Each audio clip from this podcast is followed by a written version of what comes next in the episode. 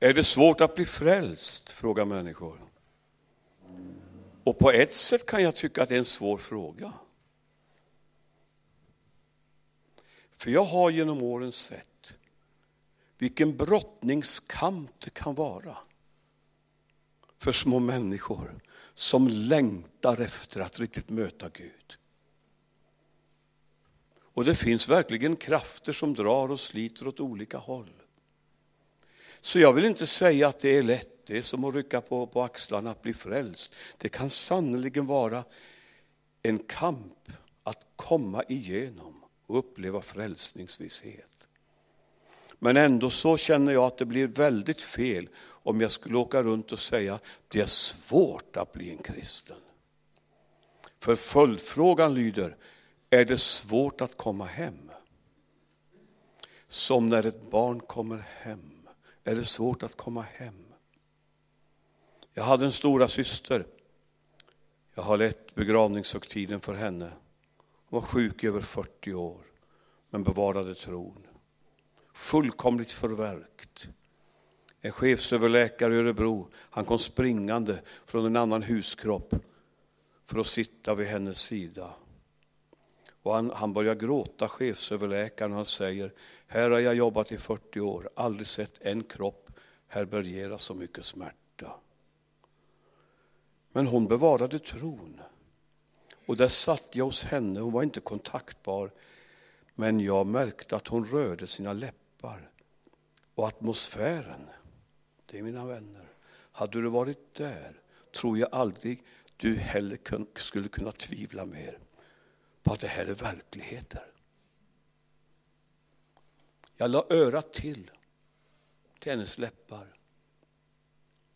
Och då hörde jag min lilla rara syster som i en lovsång använda det där bönespråket hon fick som en kärleksgåva av Guds ande då hon var 13-14 år. Bertil vet vem jag talar om. Hon talar i tungor. Ja, om du kanske, du kanske har skrattat åt sådana här saker, gör inte det. Vi är på trygg nytestamentlig mark. Nåväl, det var så här då, då vi var små. Hon var ett år äldre än mig. Hon var väldigt, väldigt äventyrlig och orädd. Hon drog mig med ut på alla möjliga äventyr i skog och mark vid bondungar. Jag minns då jag var fyra och hon fem, då vi gick vilse riktigt rejält. Och mörkret föll. Jag minns hur vi, hur vi gick, vi var alldeles kletiga, vi gick över en nyplöjd eh, plöjd åker och regn, det hade regnat sista dygnet och vi var leriga om benen. Vi kommer aldrig hem, sa jag. Jo då, sa Solveig.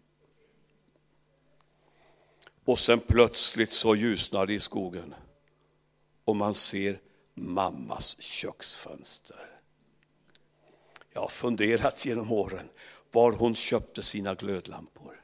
Hur kunde det lysa så varmt? Man kan ju inte direkt påstå att det var svårt att röra sig emot ljuset där man visste där i hemmet. Som när ett barn kommer hem. Alltså det finns djup i de där orden. Jag är övertygad om att varenda människa har utgått ur Guds kärleksfulla skaparhand. Det är jag övertygad om. Och därför är, har ett evigt värde. Och är ämnad för ett liv i Guds gemenskap.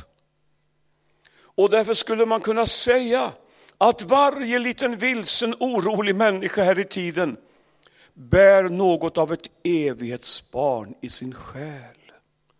Någonting som hela tiden söker sitt hem, sin far.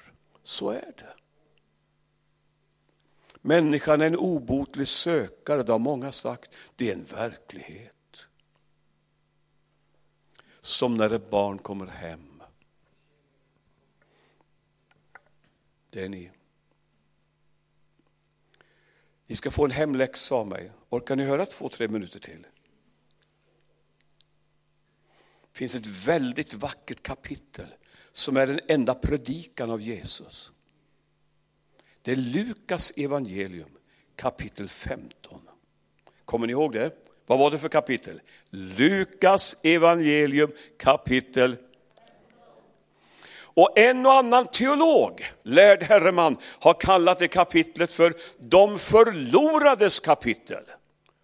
Och det finns ju en viss sanning i det. Det förlorade fåret, den förlorade penningen, den förlorade sonen. Ändå tycker jag att det är ett väldigt negativt sätt att möta den texten. De förlorades kapitel. Det är inte det det handlar om. Hela kapitlet är en enda underbar förkunnelse om att det finns en väg hem. Det går att bli funnen. Det förlorade fåret. Det talar ju om vårt beroende av Gud. Om du studerar Bibeln ska du se både gamla och nya testamentet så används bilden av fåret. Och jag som bondgrabb, jag råkar veta att de flesta djur går inte vilse, men ett får är hjälplöst. Det är inte för inte som Jesus tar den bilden av mänskligheten. Vi gick alla vilse som får.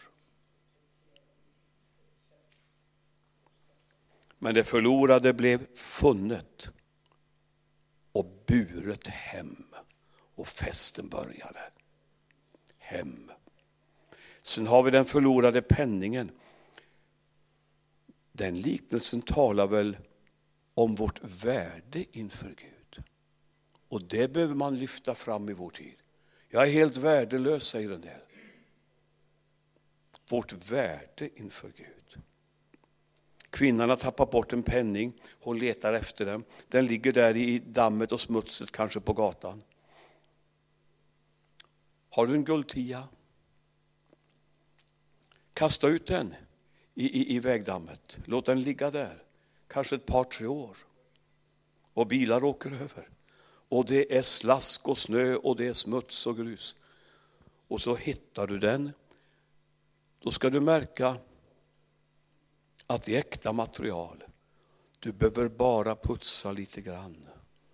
Så ser du den ädla metallen, guldet. Och en sak till. Kungens bild är präglad Och den sista liknelsen, det är den förlorade sonen. Den talar om vårt, vårt släktskap med Gud. Jag tittar på pojken, där han sitter där borta bland svinen. Han är smutsig, otvättad. Han är så förnedrad en människa kan bli. Och ändå ser jag att det är någonting i hans hållning som vittnar om att han trots förnedringen fortfarande vet om sin rätta identitet. Han vet vems pojke han egentligen är. Och han vet, det är inte här jag hör hemma, det är där. Och en dag vågar han fatta ett beslut som innebär en total omvändelse. Nu vill jag, sa pojken. Inte bara nu känner jag för det, nu vill jag hem. Och pappa gör det så otänkbart i den kulturen. Då han får se lilla trashanken komma så springer han emot honom.